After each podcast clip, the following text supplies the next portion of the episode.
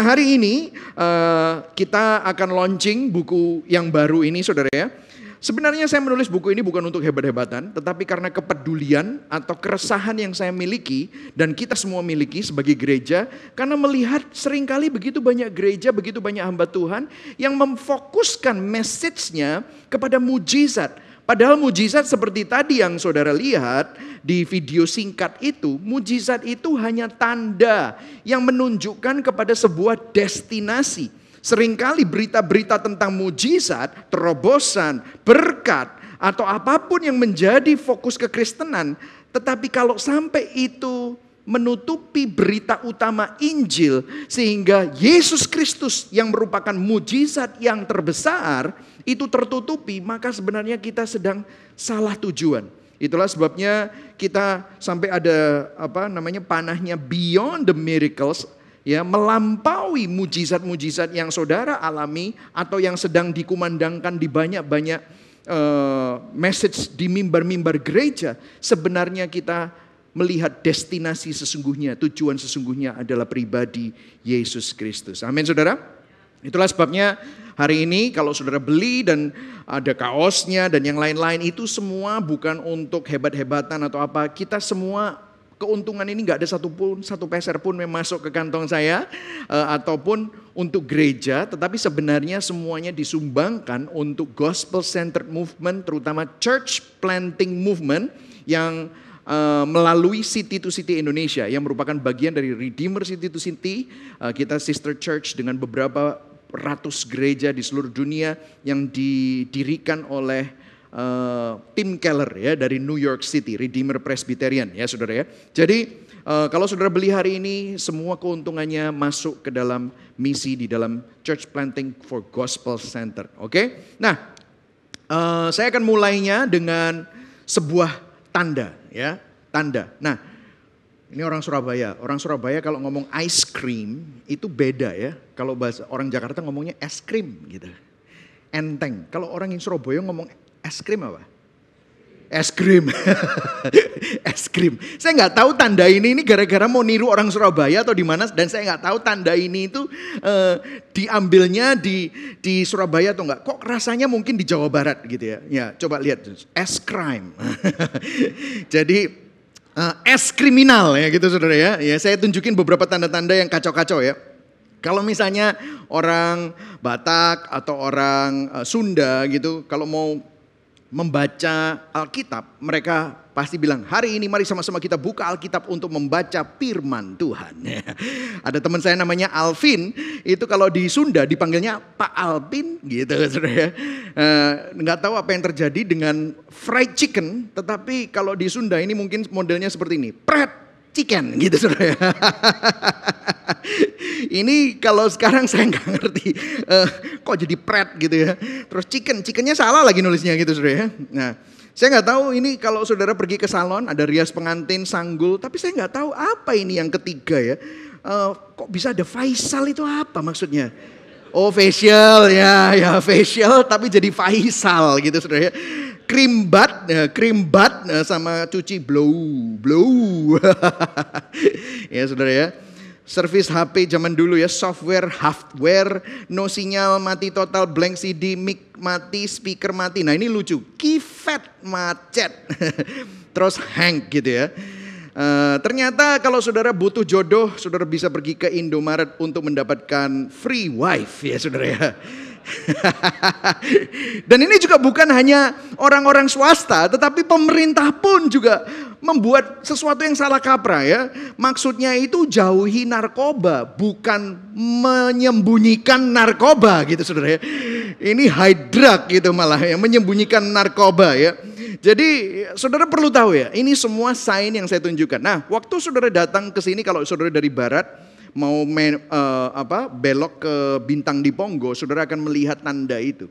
Saudara nggak akan parkir di pinggir jalan Maijen Sungkono dan saudara nggak akan duduk untuk mengikuti kebaktian di bawah tanda Gibeon Church masih 300 meter. Kenapa? Karena tanda ini hanya menjadi penunjuk arah kepada tujuan yang sesungguhnya. Destinasi sesungguhnya. Sama juga kalau saudara di mall dan saudara ketemu sama toilet, atau restroom, saudara nggak akan kencing atau buang air besar di bawah tanda tersebut. Betul ya saudara?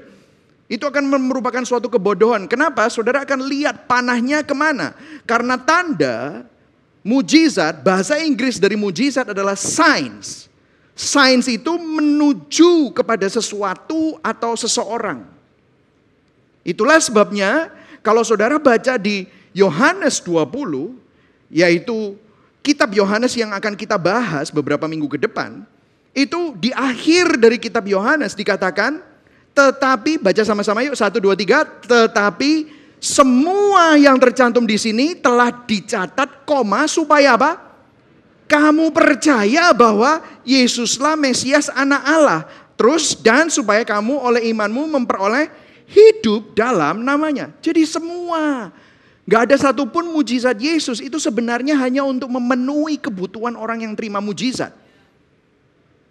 Saya ulang, semua mujizat yang dilakukan oleh Yesus Kristus termasuk sama Tuhan untuk melaku, dilakukan kepada hidup saudara itu bukan semata-mata hanya untuk memenuhi kebutuhanmu atau kebutuhan orang yang menerima mujizat.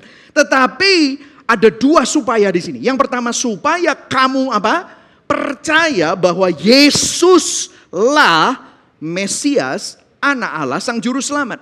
Ternyata tanda itu merujuk kepada pribadi. Dan yang kedua, supaya kamu oleh imanmu memperoleh hidup dalam namanya. Nah, hidup di sini ada yang menarik, saudara, karena di dalam bahasa Ibrani, uh, bukan Ibrani, Yunani itu ada tiga, saudara. Nah, di sini bukan bios dan bukan suke. Nah, saya tunjukkan dua dulu. Hidup itu ada tiga. Bios, yaitu akar kata biologi. Bios itu bicara tentang jasmani. Nah ini kebanyakan yang dicari orang. Di Matius 6 dan dikatakan, janganlah kamu khawatir akan apa yang kamu makan, kamu minum, apa yang kamu pakai. Nah ini bios. Sandang, pangan, papan. Rumahmu di mana, eh, makanmu apa, bajumu merek apa, rumahnya di daerah mana, sekolahnya di mana. Nah, kan gitu kan? Itu menjadi status sosial. Bukan ini, imanmu itu bukan untuk memperoleh ini. Karena tiap kali kalau orang Kristen bilang hidup, wah Yohanes 10 ayat 10. Yesus datang, aku datang untuk memberikan hidup, hidup yang berkelimpahan. Hidup. Itu selalu bicara tentang berkat selalu konotasinya orang Kristen berpikir itu konotasinya adalah hidup yang berkelimpahan itu materi rumahnya Eh, emas batangan dan yang lain-lain ya saudara. Tetapi hidup di sini bukan bios. Yang kedua suke. Suke adalah akar kata dari psikologi. Psikologi. Nah psikologi itu bicara tentang kedamaian, kebahagiaan, ya, ketentraman. Itu bagus gak? Bagus, tetapi bukan itu yang dipakai.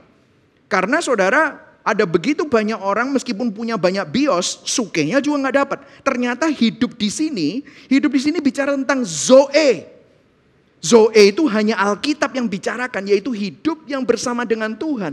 Hidupmu, minggu lalu kalau saudara ikut Alfa dan Omega, saudara akan tahu bahwa hidup kita diciptakan untuk kemuliaan Tuhan. Hidupmu itu diciptakan untuk Zoe, hidup untuk Tuhan, dari Tuhan, oleh Tuhan, untuk kemuliaan Tuhan. Nah di sini waktu kamu lihat mujizat, kamu lihat bahwa imanmu itu bukan untuk yang sandang pangan papan, bios itu tadi. Bukan hanya untuk cari kebahagiaan dan ketentraman.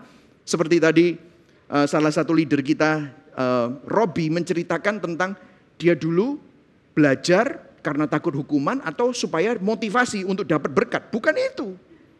Jadi hidupmu bukan cuma hanya bios dan suki, tetapi kembali kepada Tuhan, kepada original design yang sesungguhnya.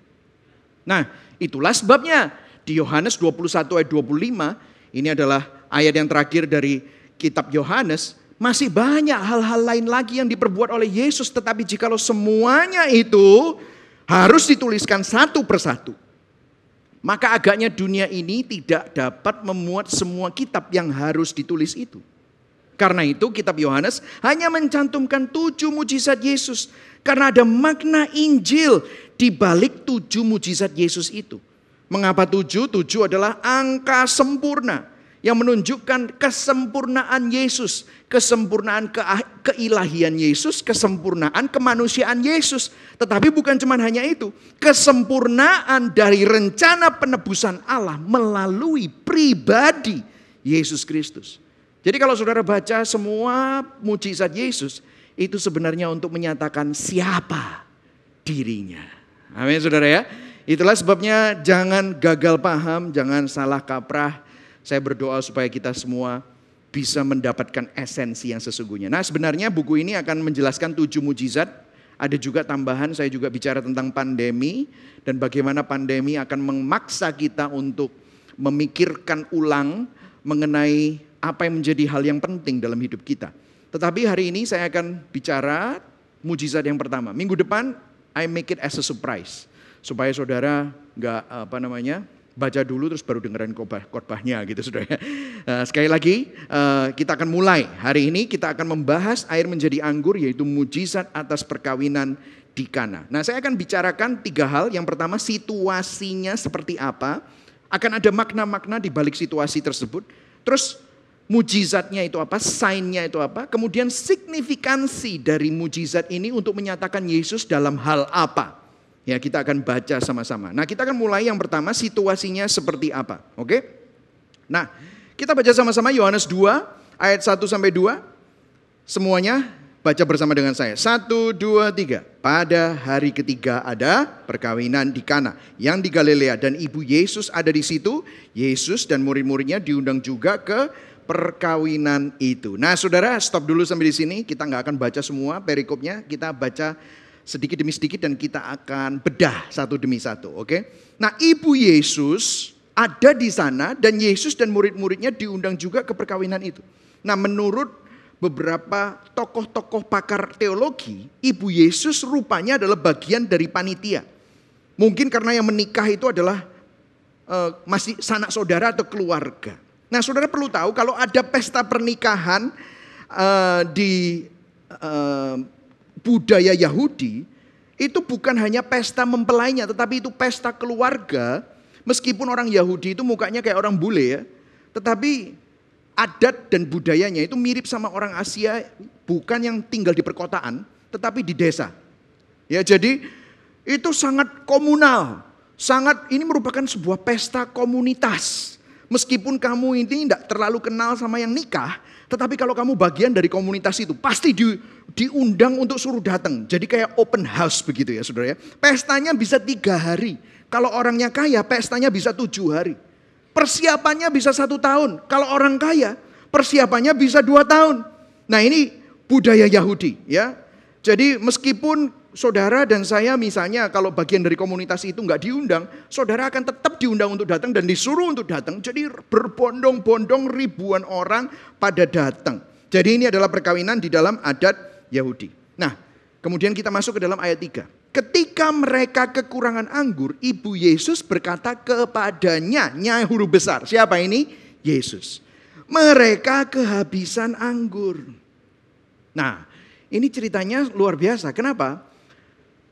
Kok bisa tahu ibu Yesus bahwa mereka kehabisan anggur? Kalau saudara pergi ke pesta, saudara bisa tahu nggak kalau haisomnya habis? Enggak kan? Yang tahu siapa? IO-nya. Betul ya saudara ya? Siapa yang di sini pernah kerja IO? Wah kalau haisomnya habis, uh IO ini bingung gak? Uh mateng makanan entek, makanan entek. Wah biasanya keluarga yang tahu. Nah ini anggurnya habis. Mestinya yang tamu enggak tahu semua. Bahkan Yesus pertamanya juga nggak tahu. Tetapi dikasih tahu oleh Ibu Yesus. Itulah sebabnya para pakar teologi mengambil kesimpulan bahwa Ibu Yesus ini kemungkinan salah satu panitia atau salah satu sanak keluarga yang ngurusin pesta tersebut. Nah saudara perlu tahu, di zaman itu kehabisan anggur dalam sebuah pesta pernikahan itu sama memalukannya kalau kita kehabisan makanan dalam sebuah pesta perkawinan zaman sekarang. Saudara pernah pergi ke sebuah pernikahan, pesta pernikahan yang makanannya habis pasti jadi pembicaraan sepanjang masa. Betul ya saudara? Atau kalau nggak enak, atau misalnya ada yang keracunan makanan di pesta tersebut. Uh, jadi aib, betul ya saudara ya. Ini merupakan sebuah sesuatu uh, kejadian yang cukup bisa membawa dan mencoreng, membawa aib atau mencoreng nama keluarga. Nah bisa dibayangkan betapa tegangnya Maria pada saat itu.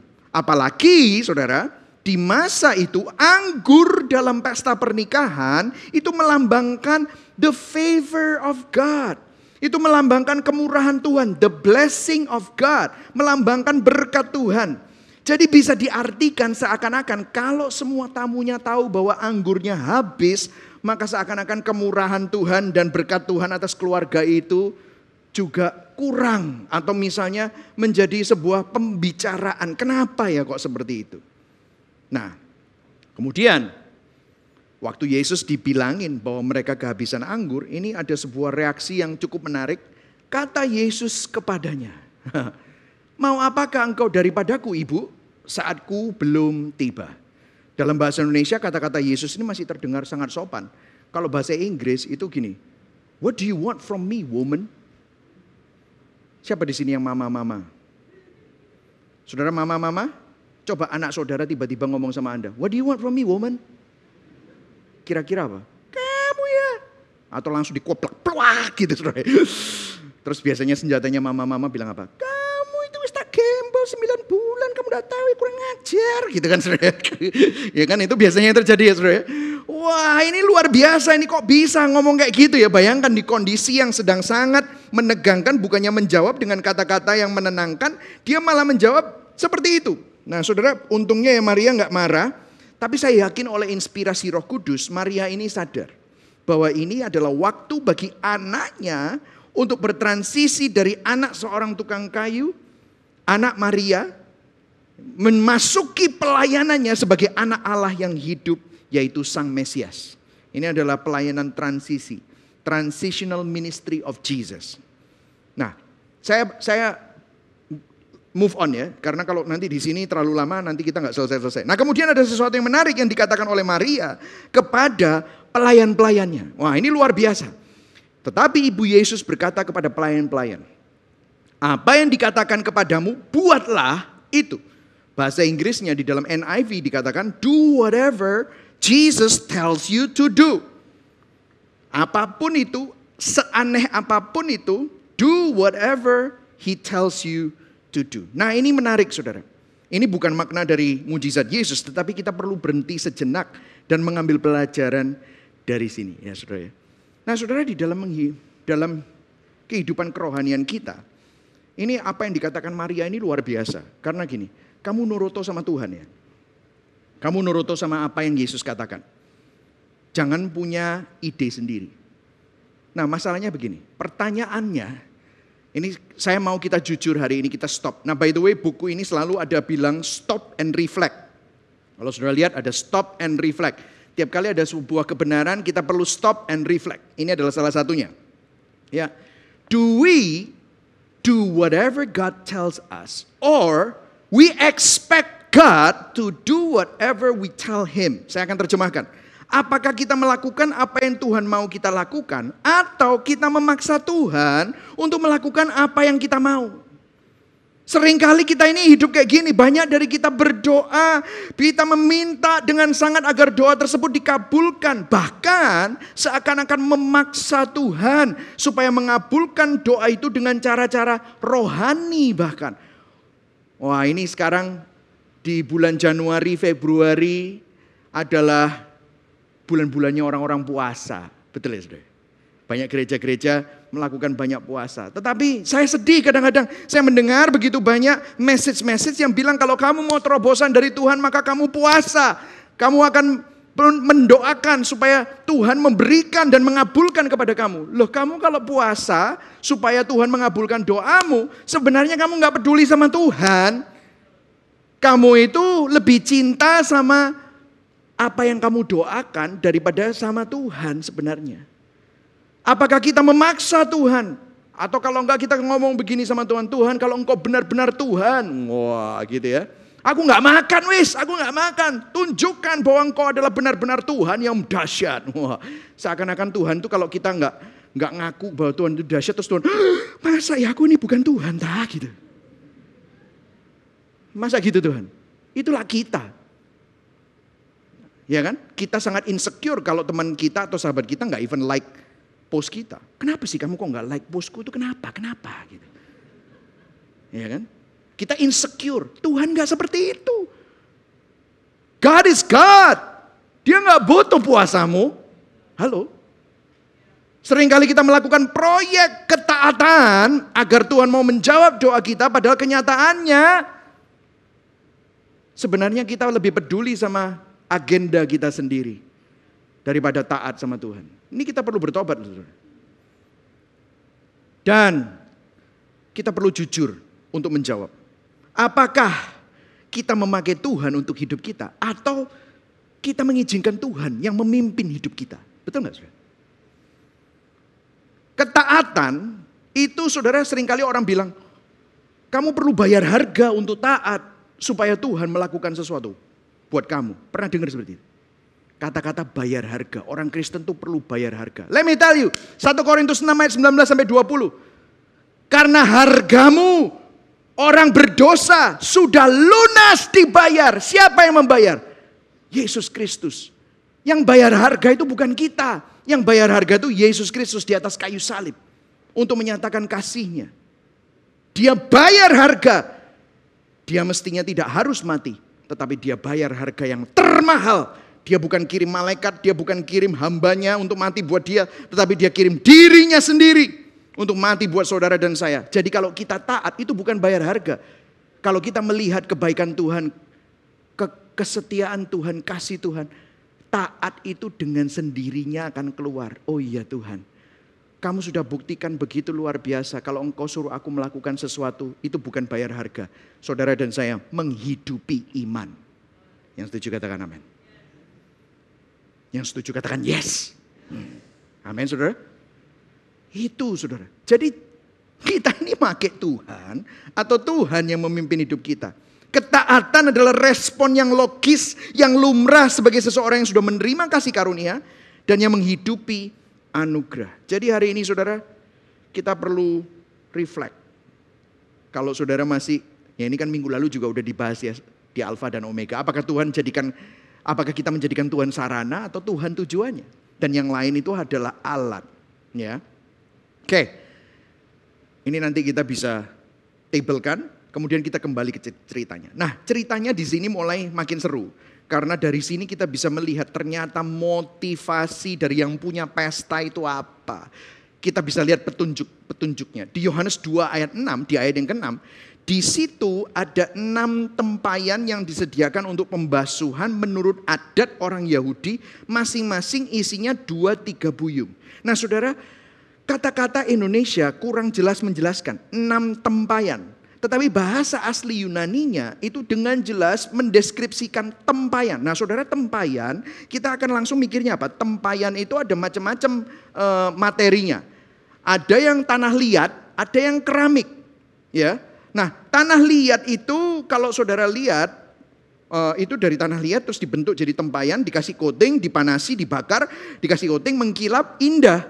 Tetapi harganya itu paling 7 dolar kalau dalam eh, apa namanya kurs zaman modern sekarang 10 dolar gitulah masih normal tempayan apalagi ini untuk pembasuhan orang yang mau masuk rumah itu kotor tangannya kakinya karena mereka itu jalan kaki atau naik eh, keledai, naik unta, naik kuda, makanya kotor. Makanya mereka sebelum masuk ada karpet dan yang lain-lain, mereka perlu cuci kaki, cuci tangan, dan itu ada tempayannya. Nah tapi di sini yang menarik adalah kok bukan tempayan tanah liat, tetapi tempayan stone water jars.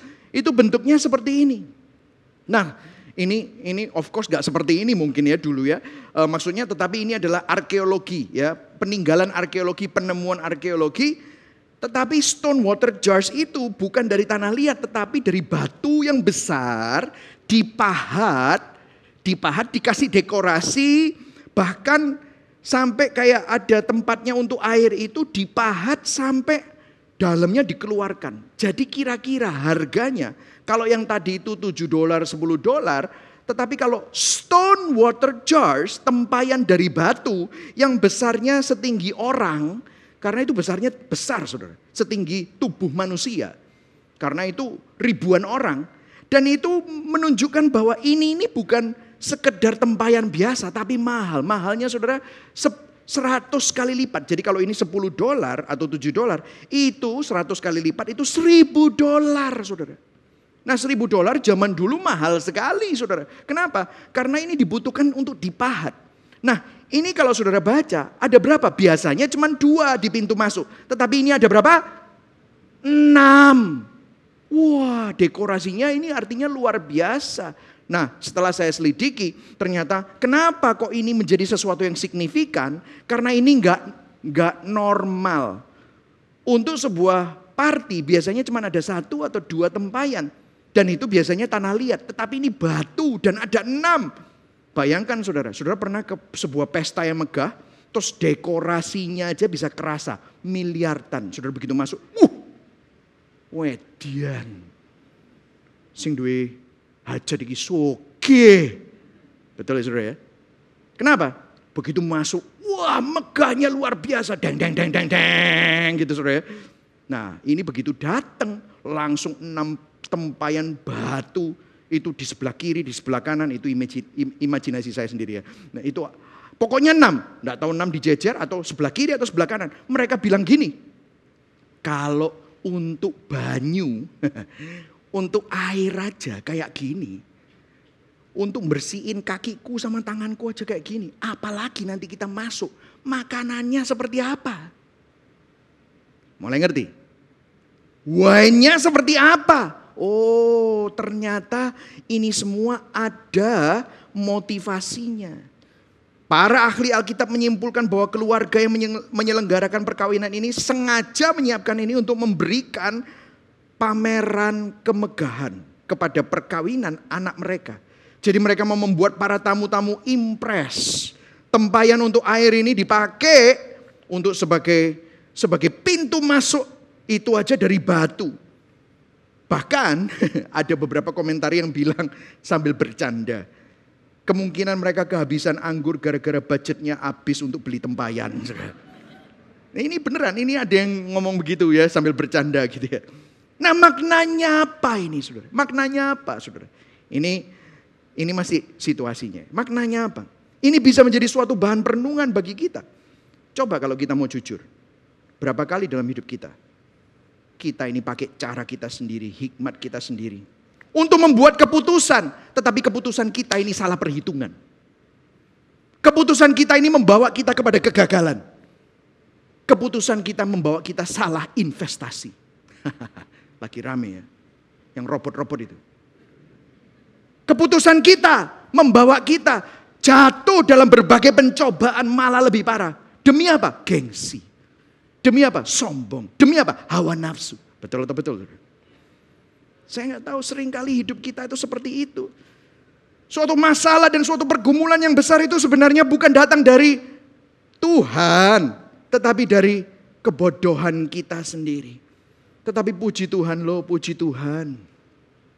Yesus itu, aduh, ini ini setiap kali saya memikirkannya.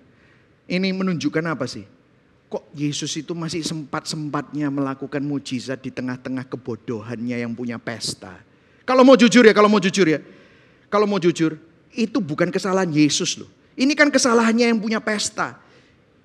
Yesus gak harus loh membantu. Yesus gak harus loh mengubah air menjadi anggur. Betul atau enggak? Dia gak utang sama siapa-siapa. Kalau Tuhan tolong saudara di tengah-tengah kebobrokanmu, keterpurukanmu gara-gara kebodohanmu sendiri. Saudara perlu tahu itu semua semata-mata anugerah. Itu semua semata-mata karena pertolongan dan kemurahan hati Tuhan. Dan hari ini, apa yang mau disampaikan sama Tuhan kepada kita melalui cerita ini? Ini simple, cerita simple. Our mistakes are never too big for Jesus to redeem. Tidak ada kesalahan yang terjadi di dalam hidup kita yang terlalu besar yang tidak dapat ditebus oleh Yesus. Yang tidak pernah dihiraukan, malah sama Tuhan. Tuhan kita adalah Tuhan yang peduli. Yang setuju katakan amin. Terima, terima.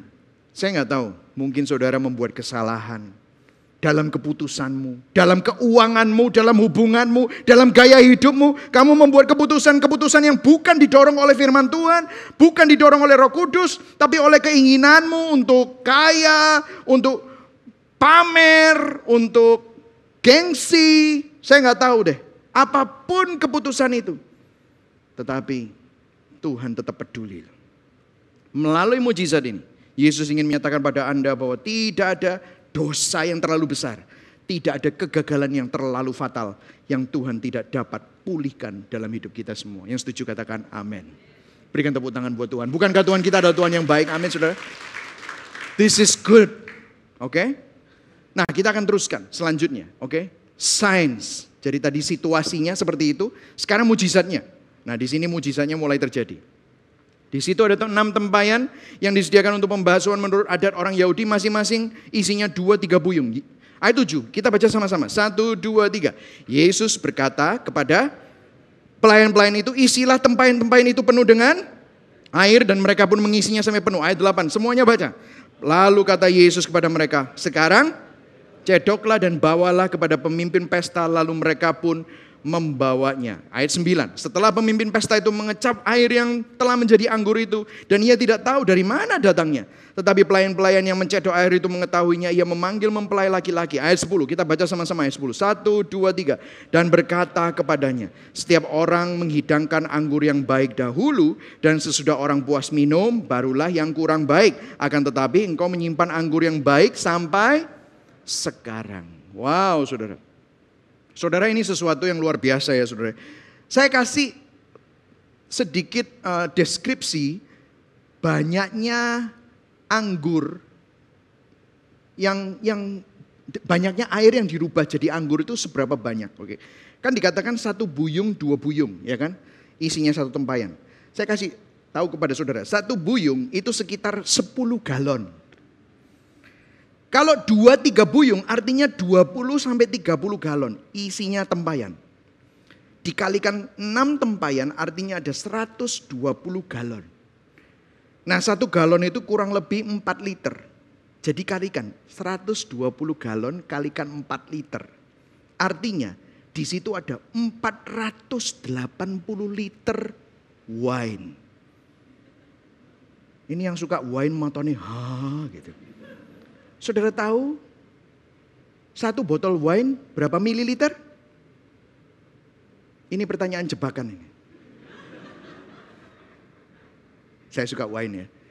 750. Saya pikir nanti ada 750, nggak ketahuan. ya, 750. Jadi kalau 480 ribu mililiter dibagi 750, itu lebih dari 600 botol wine. Puh, sampai medet saudara. Ini nggak habis-habis. Disuruh isi penuh. Kira-kira mujizat ini dahsyat gak? Dahsyat. Makanya sampai bingung yang punya uh, apa? Yang yang pemimpin pesta. Loh, ini enak sekali nih wine-nya. Biasanya orang minum sampai puas, sampai agak-agak tipsi-tipsi, Terus habis itu dikasih wine yang murahan juga nggak peduli, diminum aja. Pokoknya yang penting warnanya podo abange gitu ya, sama merahnya gitu ya. Udah diminum aja gitu ya. Nah tetapi ini, loh kok yang lebih enak ya? Nah saya akan kembali ke ayat ini nanti, yang pasti salah satu maknanya. Tetapi gini, kita bisa ambil sesuatu dari ini dan kita akan masuk ke makna sesungguhnya. Dengarkan saya. Kenapa ini mau ditunjukkan melalui ayat Alkitab? Dengarkan saya bagi saudara yang ada di dalam Kristus. Seiring berjalannya waktu, semakin kita bisa mengecap manisnya kasih Tuhan dan kebaikan Tuhan di dalam kehidupan kita. Amin saudara. Semakin ma lama semakin manis. Mungkin saudara bilang, Pak tapi awakku loh. Semakin lama semakin tua gak semakin manis pak. Awakku kaku kabeh, badanku sakit semua. Memang firman Tuhan juga bilang gini, tubuh kita semakin merosot tetapi firman Tuhan melalui Rasul Paulus di 1 Korintus dikatakan apa? Tetapi manusia batiniah kita diperbaharui dari sehari ke sehari. Semakin kita melihat, semakin kita kenal Tuhan, semakin kita bisa merasakan kasih dan kebaikan Tuhan di dalam kehidupan kita. Hidup saudara dan saya semakin manis karena kita bisa merasakan manisnya kebaikan Tuhan dalam hidup kita. Nah, waktu saudara dengar begini ya, waduh iki enak, aku lega. Tapi saudara biasanya bilang gini, kasih dan kebaikan Tuhan. Nah masalahnya gini, orang Kristen ini senang gini. Konotasi kasih dan kebaikan Tuhan itu selalu dihubungkan dengan pemeliharaan jasmani, kebaikan Tuhan dalam hal materi. Ya itu loh, senangnya begitu. Tetapi ya, saya masuk signifikansinya. Apa yang mau di, dikatakan Tuhan melalui mujizat ini? Saudara dengarkan saya, dengarkan saya. Kita kembali. Di ayat yang ke-6 kan dikatakan begini. Di situ ada enam tempayan yang disediakan untuk pembasuhan menurut adat orang Yahudi. Nah, tempayan dalam kisah ini digunakan untuk pembasuhan menurut adat orang Yahudi. Biasanya kita miss begitu saja. Tetapi adat orang Yahudi ini apa? Sebelum masuk rumah untuk menghormati yang punya rumah. Dan adat ini sama juga sebelum saudara masuk ke rumah ibadah. Adat ini sama juga sebelum saudara masuk ke sinagog. Adat ini juga sama kepada orang yang mau masuk ke bait Allah. Sebelum masuk ke sebuah rumah ibadah atau untuk menghormati yang punya rumah, kita perlu membersihkan dulu. Dan begitu kalau mereka mau masuk ke rumah ibadah atau bait Allah, mereka harus mengambil air dari tempayan dan mereka harus menggunakan alat untuk mengambil air itu yang memiliki dua pegangan. Seperti ini bentuknya. Dua pegangan. Kalau bahasa Jawa ini gayung. Tapi gayungnya nggak cuma satu pegangannya. Kenapa kok harus dua? Oh ternyata ini ada signifikansinya saudara. Karena satu pegangan untuk dipegang tangan yang masih kotor. Sedangkan pegangan yang satu lagi dipegang untuk tangan yang bersih. Jadi ya dipegang pakai tangan kotor. Misalnya tangan kiri saudara kotor. Saudara pegang. Saudara ciduk airnya. Saudara bersihkan tangan saudara yang satunya. Sampai bersih saudara ambil kain untuk bersihkan. Sudah baru pegangan yang ini dipegang untuk membersihkan tangan yang kotor. Baru yang lain-lain dibersihkan saudara. Begitu ribetnya. Dan ini dilakukan untuk apa? Sebelum masuk rumah ibadah, sebelum masuk sinagog, sebelum masuk bait Allah. Dan ini dilakukan terus menerus. Setiap kali saudara habis keluar mau masuk lagi, harus melakukan ini lagi. Ini menunjukkan bahwa ritual-ritual agama, usaha manusia untuk membersihkan dirinya tidak akan cukup ia harus melakukannya berulang-ulang. Tiap kali dia hendak datang kepada Tuhan, dia harus membersihkan dirinya secara lahiriah. Makanya ada beberapa agama kalau saudara mau doa, saudara harus ngapain? Saudara harus bersihkan semua. Ah, bersihkan semua, bersihkan semua. Kenapa? Karena ini menunjukkan, aduh aku orang berdosa, aku akan ketemu dengan Tuhan yang kudus. Dan itu apakah bisa membersihkan? Tidak. Itu hanyalah simbol, itu hanyalah ritual untuk mengingatkan kamu bahwa kamu tidak akan pernah cukup bersih. Karena apabila orang itu berbuat dosa lagi menurut adat Yahudi, maka ia harus keluar lagi, datang kepada imam, bawa korban bakaran, domba yang tidak bercacat dan tidak bercela. Domba itu harus disembeli, darah domba itu harus dicipratkan untuk melambangkan orang yang berdosa itu mengalihkan dosanya kepada domba. Sedangkan ketidakbercacatan dan ketidakbercelaan dari domba itu didoakan imam, transfer kepada orang yang berdosa tadi. Dan itu dilakukan berulang-ulang. Dan kalau dia mau masuk ke rumah ibadah lagi, harus pakai air lagi. Pegang tangan kotor satu, bersihkan tangan kotor, pakai tangan yang bersih, bersihkan tangan kotor, baru bersihkan semua. Itu diulang-ulang. Apa signifikansi dari semua ini? Ini menunjukkan usaha manusia nggak akan pernah bisa cukup untuk menguduskan dirinya. Air jadi anggur ini kalau kita lihat ada signifikansi yang lebih besar daripada sekedar manisnya kasih Tuhan dan pemeliharaan Tuhan secara materi, saudara. Apa anggur ini? Nah, kalau kita melihat nubuatan-nubuatan di perjanjian lama mengenai anggur, seperti, dengarkan saya, di kitab Amos, di kitab Hosea, di kitab Yoel, di kitab Yesaya. Saya nggak punya waktu untuk buka semuanya, tetapi saya pilih satu saja karena kalau kita buka semua jadi pendalaman Alkitab ya sudah bisa dua jam gitu. Tetapi satu aja. Yesaya 25 ayat 6 sampai 8. Judulnya yang huruf besar di garis bawah. Baca sama-sama. Satu, dua, tiga. Keselamatan bagi bangsa-bangsa. Saudara tahu setiap kali anggur disebut dalam nubuatan. Itu selalu konotasinya eskatologi.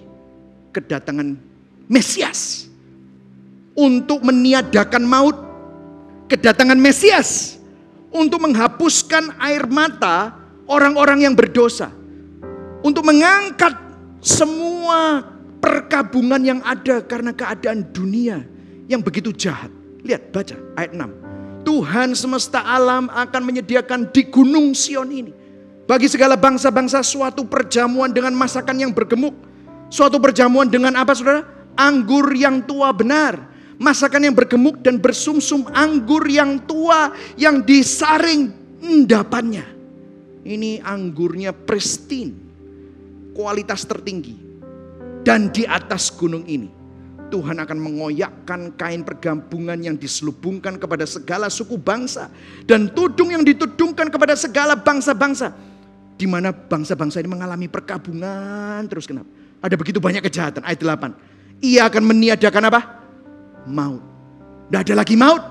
Untuk seterusnya. Dan Tuhan Allah akan menghapuskan air mata dari segala muka. Dan aib umatnya akan dijauhkannya dari seluruh bumi. Masih ingat tadi? Kalau keluarga ini yang punya pesta sampai orang tahu dia kehabisan anggur, itu jadi apa? Aib. Wah. Saudara tahu? Mujizat air jadi anggur itu. Itu menunjukkan siapa dirinya. Yohanes 15, Yesus berkata apa? Yohanes 15 kita baca sama-sama. Siapa? Kata-kata dia siapa? Apa? Akulah pokok anggur. Terus dan kamulah ranting-rantingnya. Barang siapa tinggal di dalam aku dan aku di dalam dia, ia berbuah banyak. Sebab di luar aku kamu tidak dapat berbuat apa-apa. Kalau melalui air, usaha manusia, ritual-ritual manusia berusaha untuk membuat dirinya berkenan sama Tuhan dan itu tidak akan pernah cukup. Tetapi puji Tuhan karena begitu besar kasih Allah akan dunia ini. Sehingga dia mengaruniakan anaknya yang tunggal supaya barang siapa yang percaya kepadanya tidak binasa. Melainkan beroleh hidup yang kekal. Tuhan tidak membiarkan kita dalam keberdosaan kita. Tuhan tidak membiarkan kita dalam keterpurukan kebejatan kita. Tetapi dia memberi dirinya sendiri. Dialah sang anggur yang sejati. Akulah pokok anggur Roma 5 ayat 8 tadi kita sudah baca ayat fotum pertama kali. Akan tetapi Allah menunjukkan kasihnya kepada kita. Oleh karena Kristus telah mati untuk kita ketika kita masih berdosa. Itulah makna sesungguhnya dari air menjadi anggur. Apa yang tidak mungkin dilakukan manusia diselesaikan oleh Yesus Kristus. Air hanya membersihkan sementara tetapi anggur hari ini kita akan mengambil roti dan anggur perjamuan. Waktu Yesus berkata, inilah darahku. Dia berkata dirinya sendiri. Ini akan menjadi meterai perjanjian baru. Saudara dan saya diselamatkan bukan karena kamu layak selamat. Tetapi karena Allah yang mencari saudara. Air yang menjadi anggur menunjukkan pembersihan bahwa saudara dan saya dibersihkan. Kristus mengubah apa yang menjadi aib saudara. Dijadikan sebuah cerita, sebuah cerita anugerah. Dia melakukan pembersihan secara total. Dia ampuni dosa saudara. Dia berikan kebenarannya. Kalau dulu yang bersih ketemu sama yang kotor, yang bersih jadi kotor. Betul gak? Kalau dulu yang najis sama yang kudus bersentuhan, maka yang kudus ini jadi najis. Tetapi yang paling mulia, yang paling kudus justru ada di kayu salib. Menanggung dosa saudara dan saya. Supaya saudara dan saya yang bejat, yang najis, yang kotor, dijadikan putih bersih seperti salju. Dijadikan kudus, dijadikan benar. Ada sebuah ayat di Amsal.